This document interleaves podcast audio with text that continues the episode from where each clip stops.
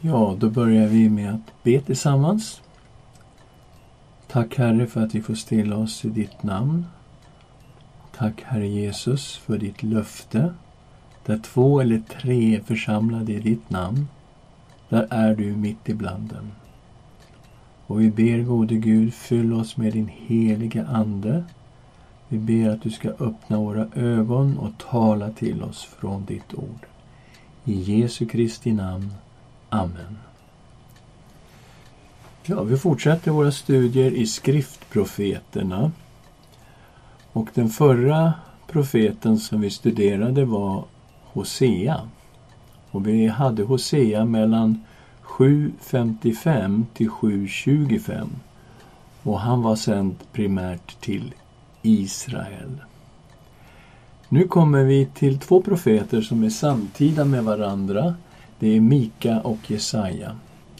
Vi börjar då 740 före Kristus för båda två och sen håller de på en bit in i nästa århundrade, någonstans kring 696 för Mika och lite mer för Jesaja. Så de är profeter under en väldigt lång tid och de är samtida med varandra. Men vi ser ju också att de är samtida med Hosea. Både Mika och Jesaja är primärt sända till Juda, det södra riket. Men båda två profeterar om det norra riket, om Samaria. Och eh, anledningen att jag börjar med Mika det är att Jesaja är så stor så jag är rädd att Mika skulle bara försvinna in i Jesaja om vi började med Jesaja. Så vi börjar med Mika. Och då ska vi titta lite grann på bakgrunden här. Vi är fortfarande då i det delade rikets tid. Riket delades 931 f.Kr. och det norra riket gick under 722 f.Kr. Det norra riket hette Israel och hade Samaria som sin huvudstad. Och det södra riket hette Juda och hade Jerusalem som sin huvudstad. Stormakterna här, det var Assyrien och Egypten. Men det fanns ju också småstater runt omkring både Israel och Juda. Och vi har tittat på de här tidigare. De är framförallt omnämnda i Jesaja bok därför att Jesaja bar fram profetior till var och en av de här staterna. Böcker som vi läser i den här perioden det är Konungaböckerna och krönikeböckerna för att få en bakgrund och en förståelse för vad som hände. Det assyriska riket, det är det riket som hotar hela den här regionen. Det kommer ju ursprungligen från norra Irak. Ashur hette huvudstaden där i början och senare också Nineve. Nineve var hela tiden en väldigt stor och viktig stad.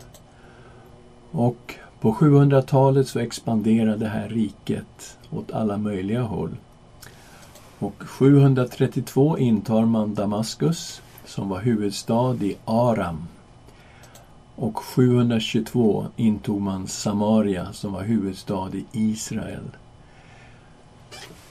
701 så invaderades Juda och man tog största delen av Juda. I stort sett var det bara Jerusalem som klarade sig under den invasionen från assyrierna. Dateringen här av profeten Mika. Det står i vers 1. Herrens ord kom till Mika från Moreshet när Jotam, Ahas och Hiskia var kungar i Juda. Detta är vad han såg om Samaria och Jerusalem. Så det betyder att boken täcker ungefär perioden 740 till 696 f.Kr. Mika han var ju då som vi sa samtida med Jesaja men också delvis med Hosea. Han kommer ifrån Morshet Gat i Juda. Och eh, den här staden låg sydväst om Jerusalem. Så därifrån var han. Han var sänd till Juda, ja, och Jerusalem, absolut, men också till Israel och han profeterade mot Samaria. Han var väldigt viss om sitt uppdrag som profet. Han beskriver falska profeter och ställer sedan upp sig själv som en motpol till de här falska profeterna. I kapitel 3, vers 5 till 8 läser vi så här. Så säger Herren om profeterna som vilseleder mitt folk och ropar allt är väl. Så det här är de falska profeterna. De predikade sådant genomgående som var politiskt korrekt och det folk ville höra. Allt är väl. När de får något att tugga med sina tänder, men mot den som inte ger dem något i munnen blåser de upp till helig strid. Därför ska ni få en natt utan syner och mörker utan spådomar. Solen ska gå ner över profeterna och dagen blir mörk över dem. Siarna ska stå där med skam och spåmännen blygas. Och ska alla täcka sitt skägg, för inget svar kommer från Gud. Och så motpolen då, Mika själv.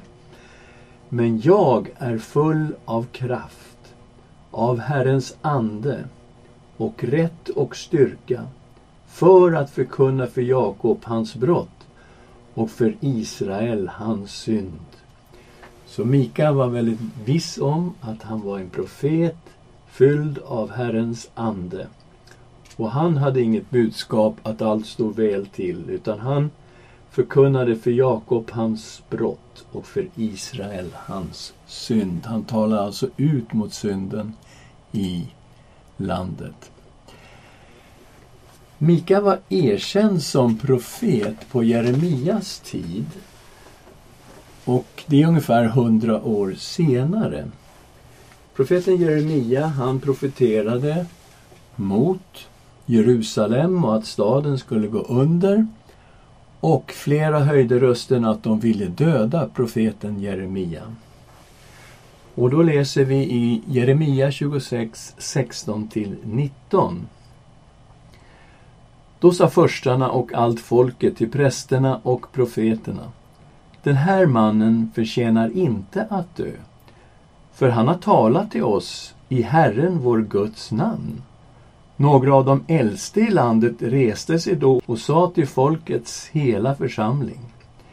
Mika från Morshet profeterade på Juda kung Hiskias tid och sa till hela Juda folk, så säger Herren Sebaot. Sion ska plöjas upp till en åker, Jerusalem bli en stenhop och Tempelberget en skogsbevuxen höjd.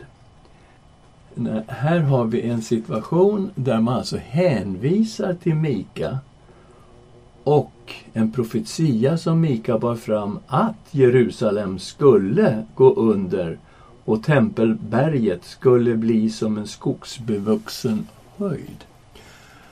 Så det betyder ju att Mika var erkänd som profet ungefär hundra år senare på profeten Jeremias tid. En annan intressant detalj är att det finns en text i Mika och Jesaja som är lika. Mika 4, 1-5 är nästan identisk med Jesaja 2, 2-5.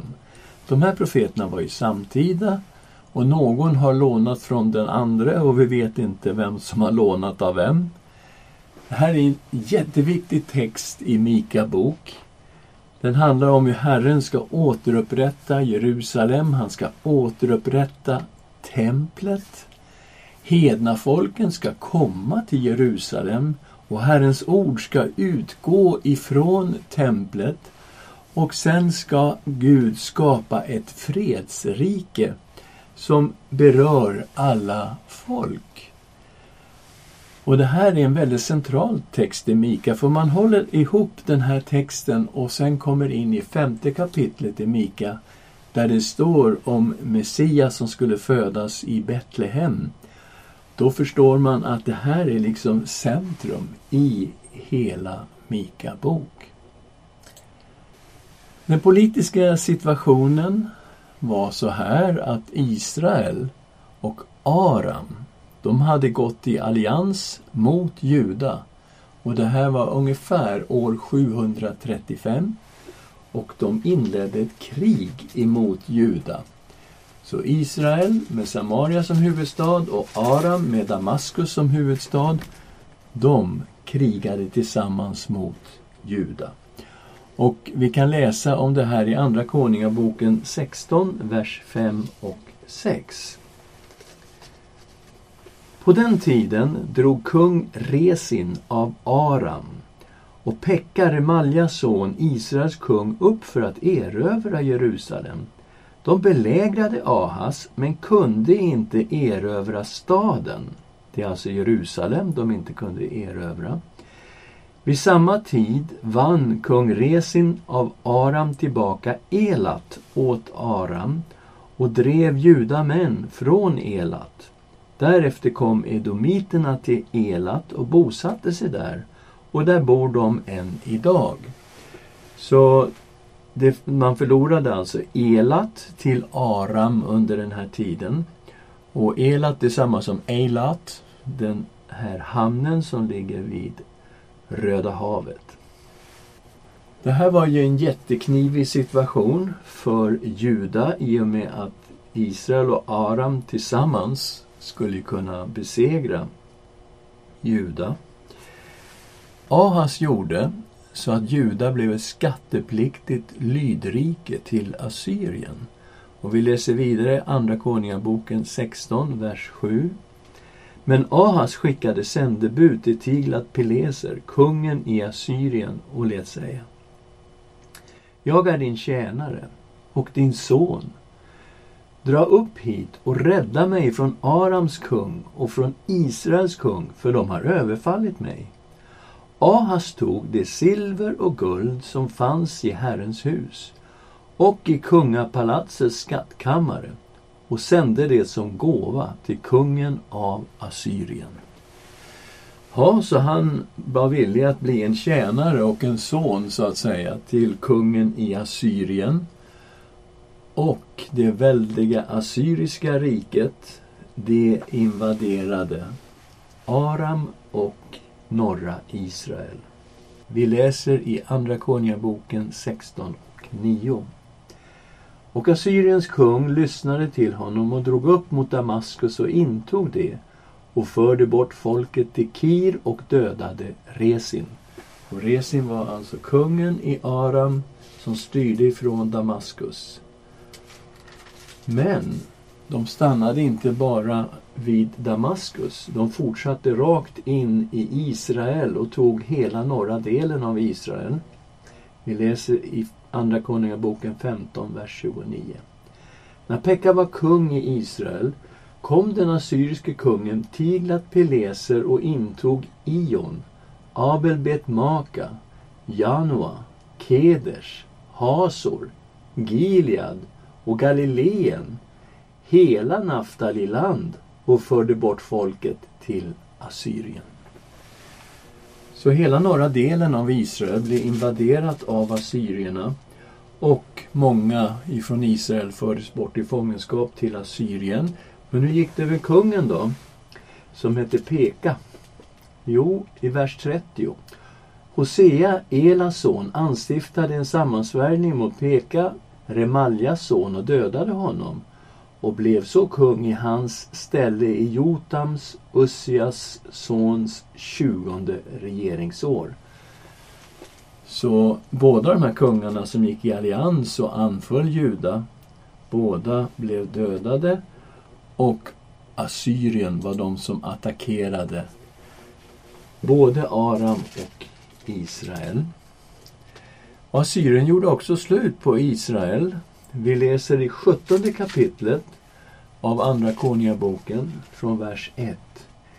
I Juda kung Ahas tolfte regeringsår blev Hosea, Elas son, kung i Samaria över Israel och han regerade i nio år.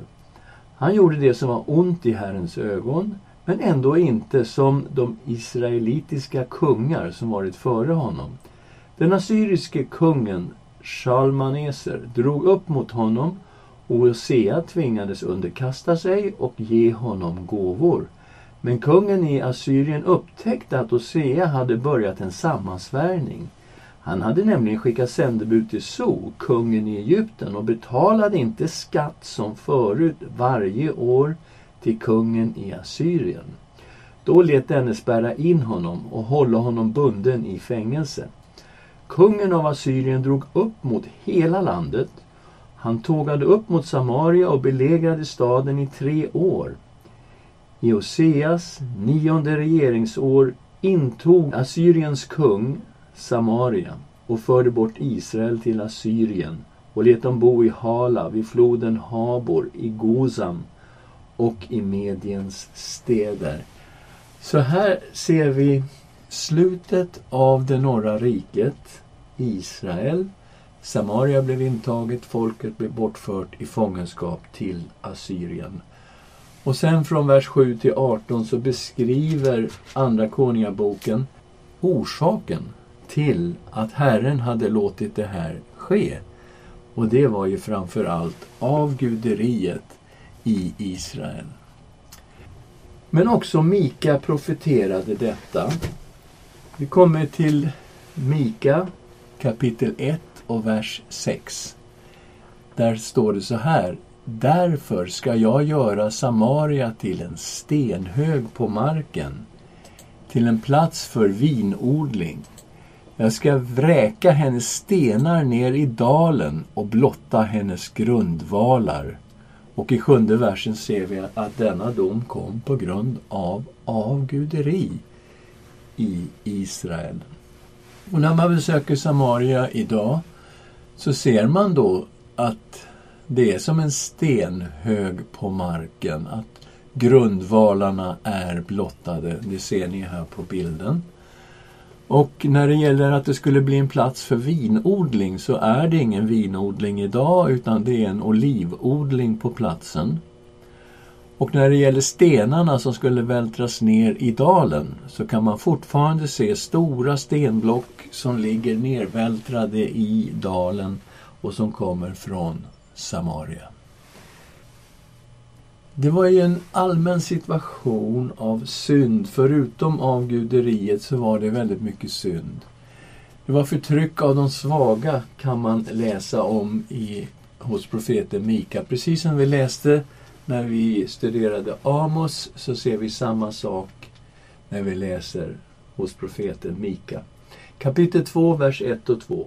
Ve dem som tänker ut fördärv och planerar ondska på sin bädd när morgonen gryr sätter de planerna i verket, för det står i deras makt. De har begärt i åkrar och roffar åt sig dem, till hus och lägger beslag på dem.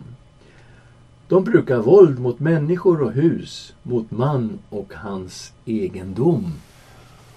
Och här ser vi nu hur man utnyttjade att människor var svaga och inte kunde försvara sig och istället så roffade man åt sig både hus och egendom. I kapitel 6, vers 9 till 13 läser vi Hör hur Herren ropar mot staden. Vishet är att vörda ditt namn. Hör om straffet och vem som bestämt det. Finns det ännu i den gudlöses hus skatter som vunnits genom orätt eller ett snålt efamått som är förbannat. Vore jag rättfärdig om jag tillät orätt våg och falska vikter i väskan. Eftersom de rika i staden är fulla av våld och invånarna talar lögn med falsk tunga i sin mun måste jag slå dig med sår som inte läks och lägga dig i ruiner för dina synders skull. Här ser vi igen ungefär samma typ av synder, hur man med lögn och falska vikter berikade sig. Kapitel 3, vers 1. Här är riktat till ledarskapet. Hör ni hövdingar i Jakob, ni förstar över Israels hus.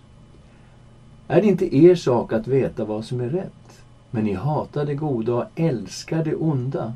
Ni sliter huden av människor och köttet från deras ben. Ni äter mitt folks kött och flår huden av dem och krossar deras ben för att stycka dem, likt något man kastar i grytan som kött i kitteln. Så här beskrivs ju en form av kannibalism, men det är ju inte bokstavligt så, men det är bildligt så. Eh, hur man förtrycker de svaga och hjälplösa. Kapitel 3, vers 9. Hör nu detta, ni hövdingar över Jakobs hus och förstar över Israels hus. Ni avskyr det som är rätt och förvrider allt som är rakt. Ni bygger upp Sion med blod och Jerusalem med ondska. Stadens hövdingar dömer för mutor. Präster undervisar för betalning och profeterna spår för pengar. Ändå stöder de sig på Herren och säger, är inte Herren mitt ibland oss? Olycka ska inte drabba oss. Därför ska Sion för er skull plöjas upp till en åker, Jerusalem bli en stenhop och Tempelberget en skogsbevuxen höjd. Och här kom den vers som vi läste tidigare i Jeremia kapitel 26 där man citerade Mikas bok. Men det här är riktat till hövdingar, till präster, till profeter. Och de sa, nej men här kommer det inte hända någonting. Herren är ju mitt ibland oss. Templet står ju här. Olycka kommer inte att drabba Jerusalem.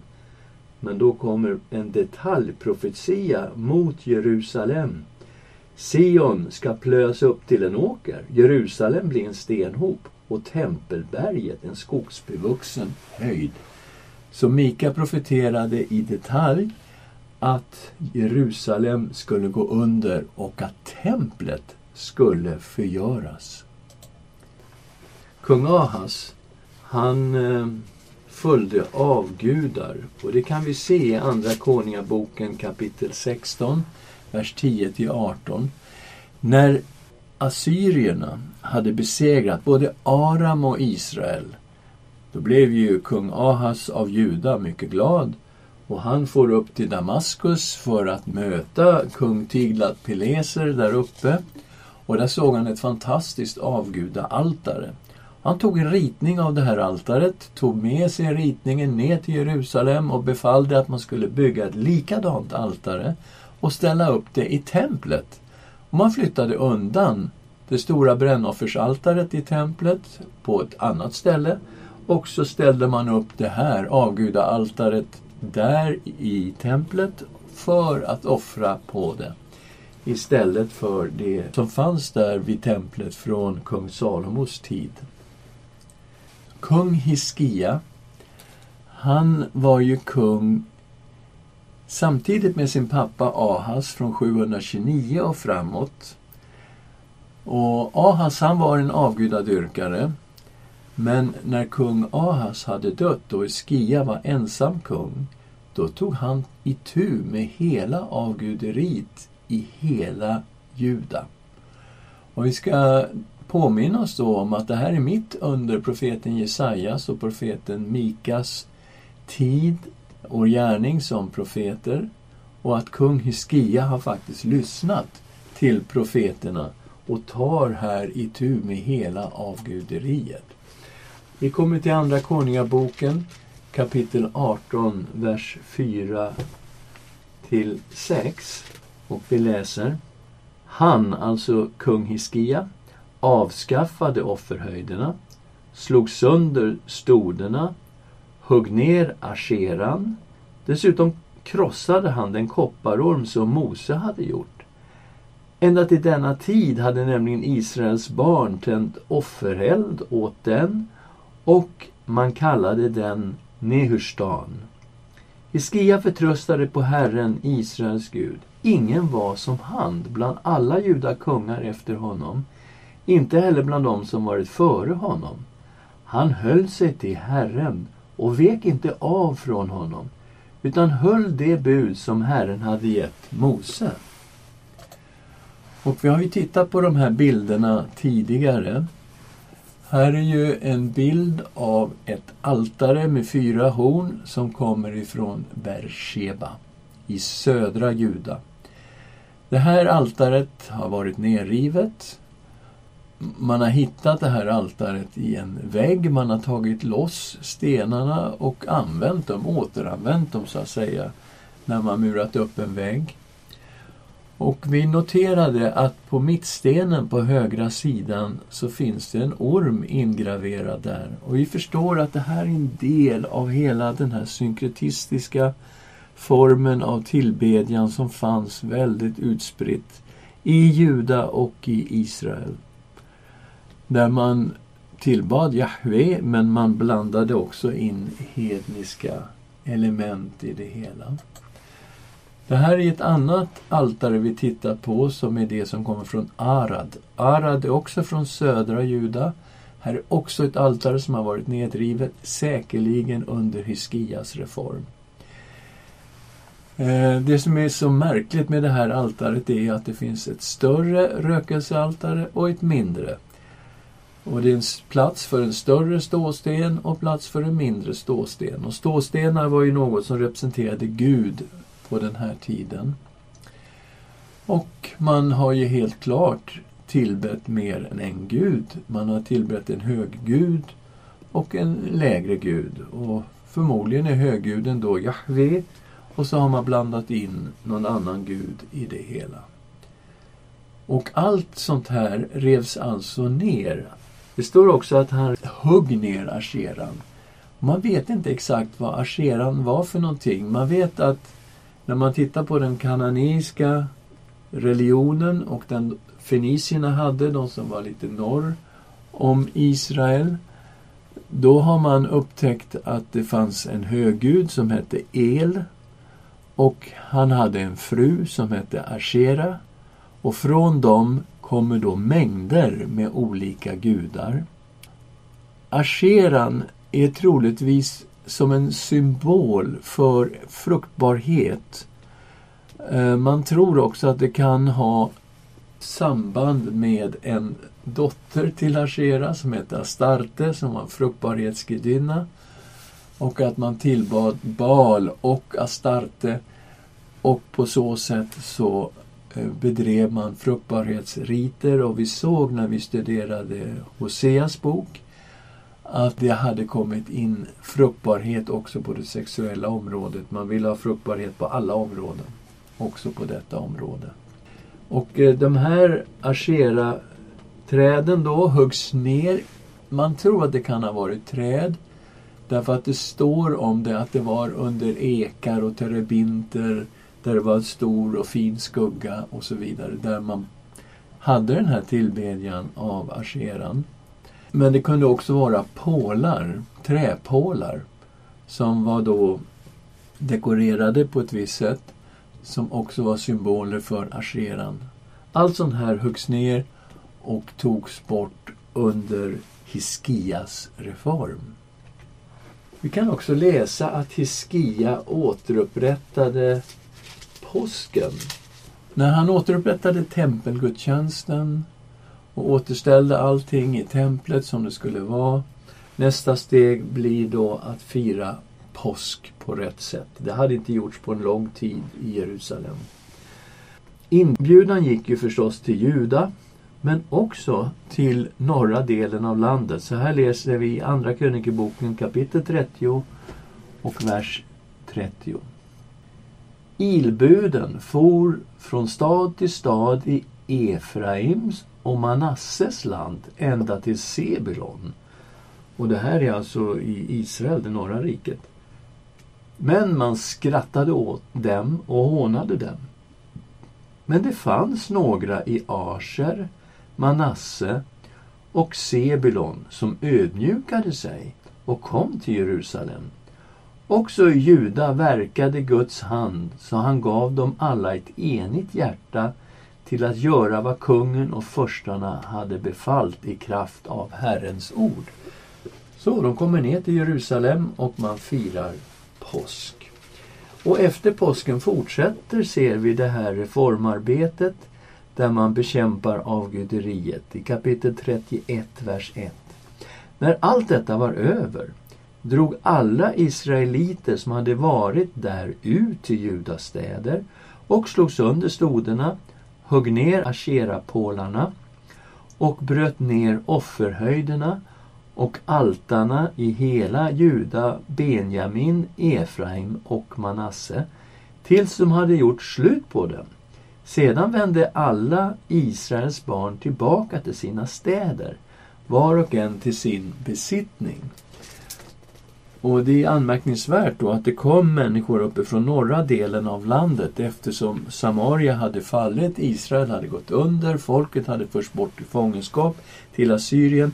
Men tydligen hade inte alla förts bort i fångenskap utan det fanns en del människor kvar ifrån stammarna där uppe i norr. Och också de då bjöds då in till den här påskhögtiden som hölls i Jerusalem på kung Hiskias tid. Och vi är då i slutet av 700-talet före Kristus. Men det är ju så att Ahas hade ju gjort så att Juda hade blivit ett skattepliktigt lydrike till Assyrien. Och Iskia, han försökte bli fri från Assyriens skatteok. Och det här ledde ju till att Assyrien invaderade Juda och det skedde 701 f.Kr. Vi läser om det i Andra Konungaboken eh, kapitel 18 och vers 13. I kung Hiskias fjortonde regeringsår drog Assyriens kung Sanherib upp och angrep alla befästa städer i Juda och intog dem. Så här har vi ju en, en situation att assyrierna invaderar Juda.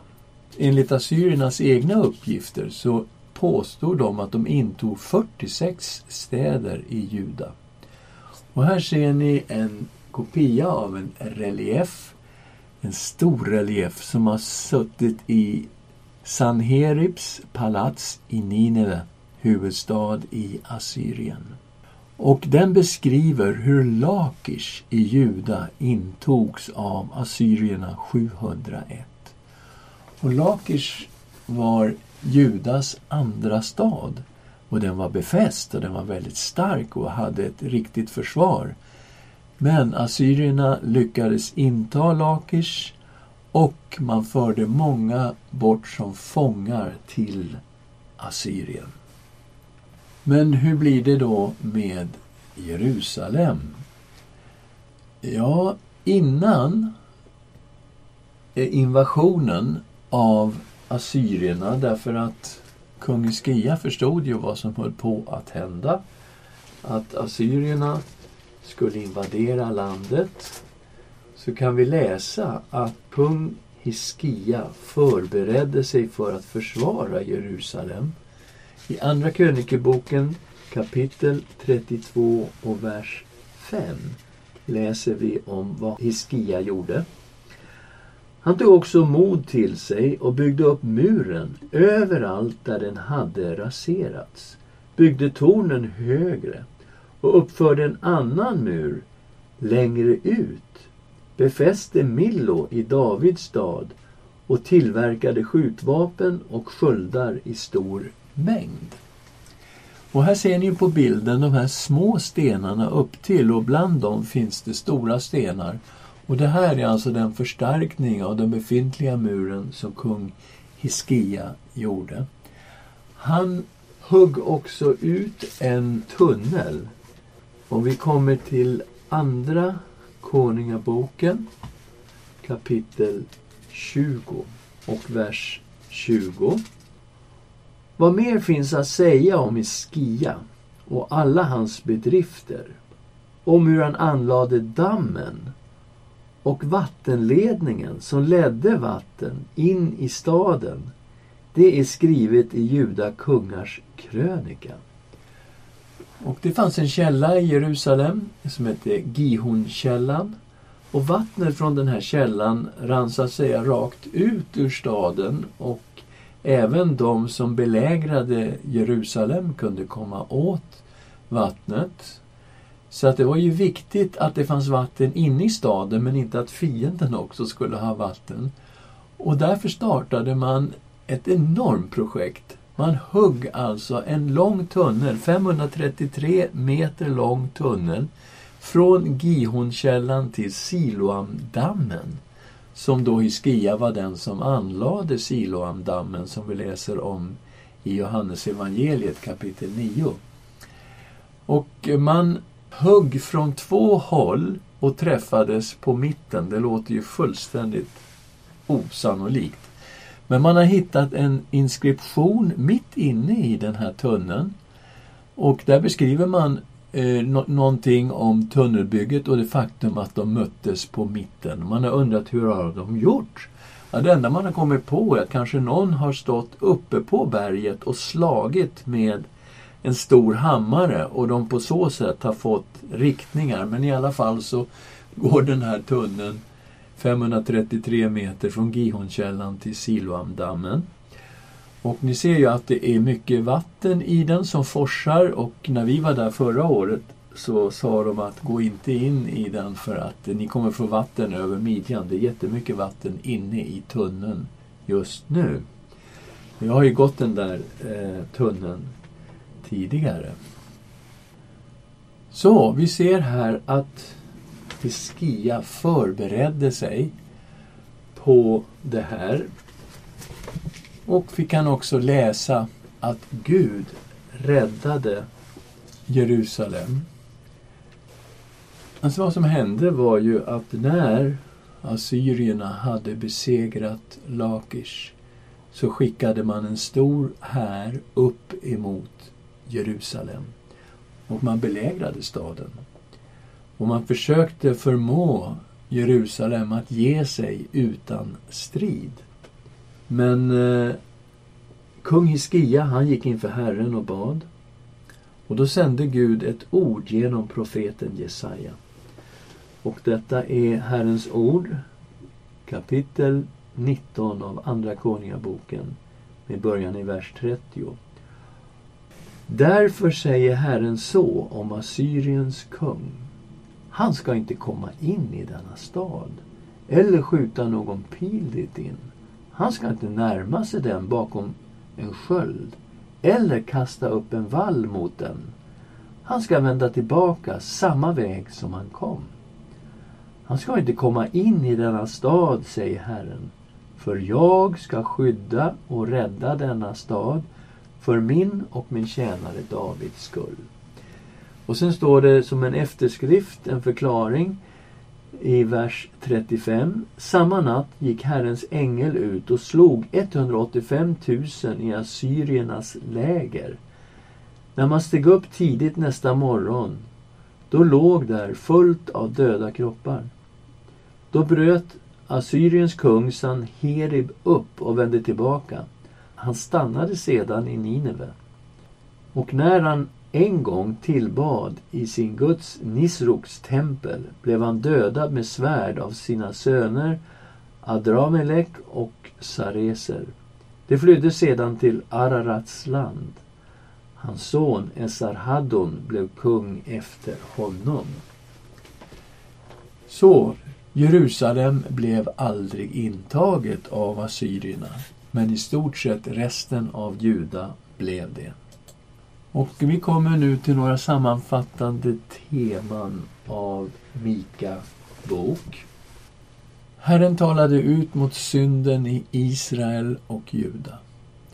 Båda rikena skulle drabbas av Guds dom. Samaria och Jerusalem skulle förstöras.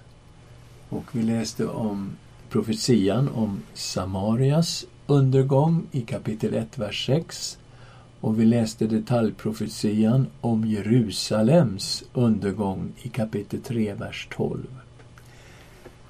Det norra riket gick under 722 f.Kr. Juda skulle en dag föras till Babel och det skedde 586 f.Kr. Men Juda skulle också befrias därifrån och det här är en profetia som Mika har profeterat om. Det är så att det står i detalj vad som skulle hända i kapitel 4, vers 10.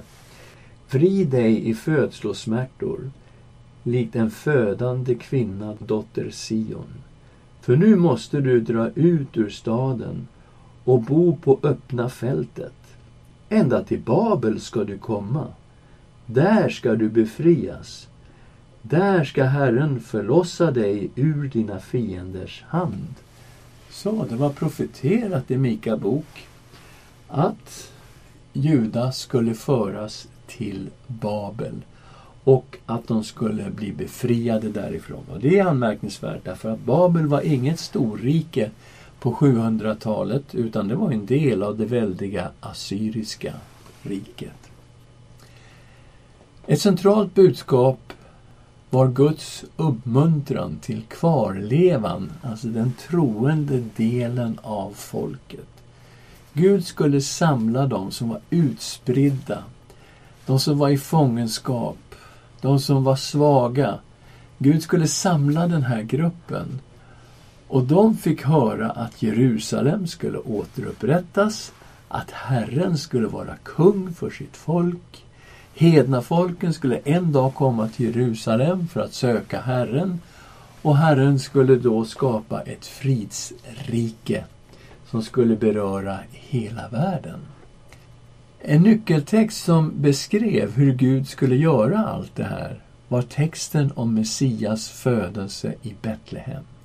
Han som fanns före tiden skulle vara en stor kung och herde för sitt folk till jordens ändar. Och det här är i kapitel 5, vers 2 4, där vi läser om Messias födelse. Orsaken till Guds makalösa handlande i historien vilade i slutändan på Guds luften till Abraham och Jakob. Gud skulle förlåta folkets synder och återupprätta sitt folk. Och det här är ju avslutningen av hela boken. Vi är i kapitel 7, vers 18 till 20. Vem är en Gud som du, som förlåter skuld och inte tillräknar synd hos den som är kvar av din arvedel? Han håller inte kvar sin vrede för evigt, för han har sin glädje i nåd. Han ska förbarma sig över oss igen och trampa på våra missgärningar. Du ska kasta alla deras synder i havets djup. Du ska visa trofasthet mot Jakob och nåd mot Abraham, som du med ed har lovat våra fäder i forntidens dagar. Så här har vi sammanfattande teman kan vi säga av hela boken. Det här är ju ett bakgrundsstudium och nästa gång kommer vi då att gå in i själva boken och titta på budskapet i Mika bok. Låt oss be tillsammans. Tack Herre för ditt ord. Tack att du har talat genom profeten Mika. Och Herre, hjälp oss att ta emot ditt ord i våra hjärtan så att det får bära frukt. I Jesu Kristi namn. Amen.